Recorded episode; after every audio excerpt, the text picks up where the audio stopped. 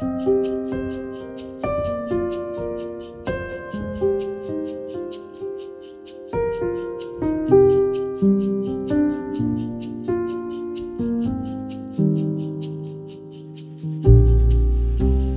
har et levende minne av den dagen en kamerat og jeg våget oss opp i leiligheten til skiltmaler Hansen.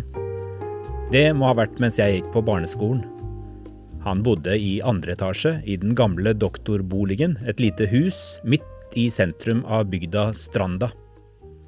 Lenge har jeg hatt en slags nostalgisk fascinasjon for de såkalte bygdeoriginalene, særlig i voksen alder, da jeg flyttet til byen. Plutselig så jeg dem ikke lenger. Kanskje var dette barndomsbygda mi både på sitt beste og sitt verste. Folk hadde en ganske så klar bevissthet om hvem som var bygdeoriginalene iblant oss. Bygdeoriginalene fungerte som en slags lokale grensemarkører. De kroppsliggjorde hvor grensen gikk for hva som var innenfor normalen og hva som i våre øyne befant seg utenfor. Gjennom sine handlinger og væremåte viste de folk flest som ønsket å holde seg innenfor rammene for sosial atferd, hvor grensen for det akseptable gikk.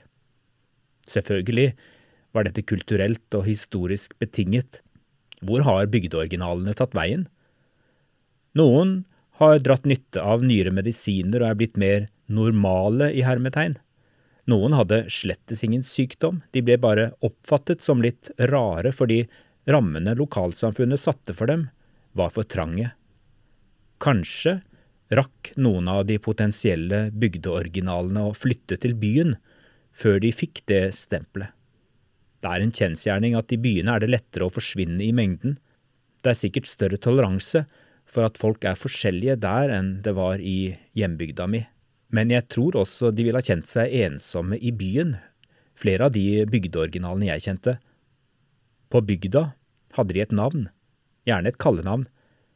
Det kunne være et stigmatiserende navn som vi i dag ville klassifisere som ren mobbing, men jeg tror også det kunne ligge betydelig anerkjennelse i å bli tildelt et kallenavn. De hadde en tydelig identitet i lokalsamfunnet. Grenser både tiltrekker og vekker frykt. Som grensemarkører virket også bygdeoriginalene slik på meg. Det gikk litt sport i å våge seg til å snakke med dem. De utgjorde et lite eventyr. Gjennom årens løp ble jeg kjent med flere av dem.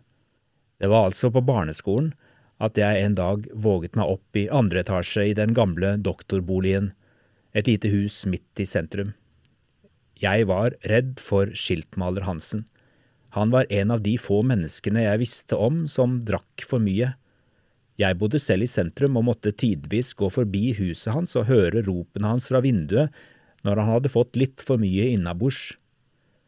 Men så satt jeg der en dag oppe i leiligheten hans og ble servert saft og kjeks, og lot meg overraske over hvor hyggelig han var.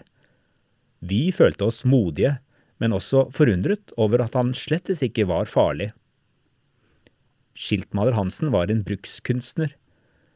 Jeg har senere lest at bygdeoriginaler ikke sjelden var spesialiserte og dyktige håndverkere på et eller annet område.